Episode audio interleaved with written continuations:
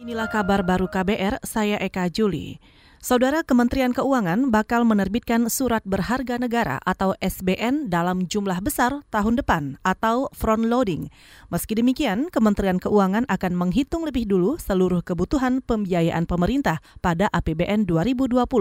Hal ini diungkapkan Dirjen Pengelolaan Pembiayaan dan Risiko Kementerian Keuangan, Luki Alfirman. Kebutuhan financing kita untuk APBN tahun 2020. Seperti biasa nanti kan itu nanti kelihatan kita akan menyebutkan berapa bond yang akan kita terbitkan, berapa pinjaman, bentuknya apa, kita ada konvensional, ada suku, ada yang rupiah, ada yang non rupiah. Hal tahun ini misalnya non rupiah akan menerbitkan US dollar, ada euro dan samurai Japanese yen misalnya. Dirjen Pengelolaan Pembiayaan dan Risiko Kementerian Keuangan Luki Alfirman juga menambahkan, pemerintah mengeluarkan beragam alternatif skema pembiayaan untuk menambal APBN, misalnya melalui obligasi dengan jangka waktu bervariasi.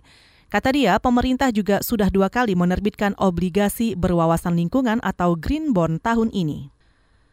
Kepolisian memeriksa 18 saksi dalam kasus dugaan pembunuhan Hakim Pengadilan Negeri Medan Jamaludin.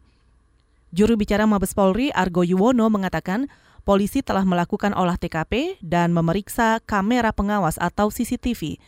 Namun, polisi belum bisa memastikan apakah kematian Jamaludin terkait dengan kasus yang ditangani atau tidak. Tentunya bahwa penyidik di Medan ya sudah memeriksa setelah 18 saksi dan kemudian saksi itu adalah yang yang melihat atau mendengar ya dan kemudian tentunya kan nanti penyidik sendiri juga nanti kan ada olah TKP, lapor nanti kita kumpulkan, nanti bukti-bukti petunjuk seperti apa ya. dan nanti semuanya kita sinkronkan nanti kita gelar nanti baru nanti step by step nanti timeline nanti penyidik nanti akan sedikit-sedikit nanti akan mengungkap siapa yang yang juga pelaku. Juru bicara Mabes Polri Argo Yuwono menambahkan kasus ini untuk sementara masih ditangani Polda Sumatera Utara.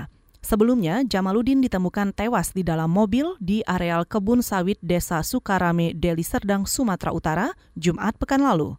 Polisi menduga ia dibunuh orang yang punya hubungan dekat Saudara, Kementerian Dalam Negeri atau Kemendagri akan mengirim surat peringatan kepada pemerintah Provinsi DKI Jakarta atas keterlambatan penyerahan rancangan APBD 2020.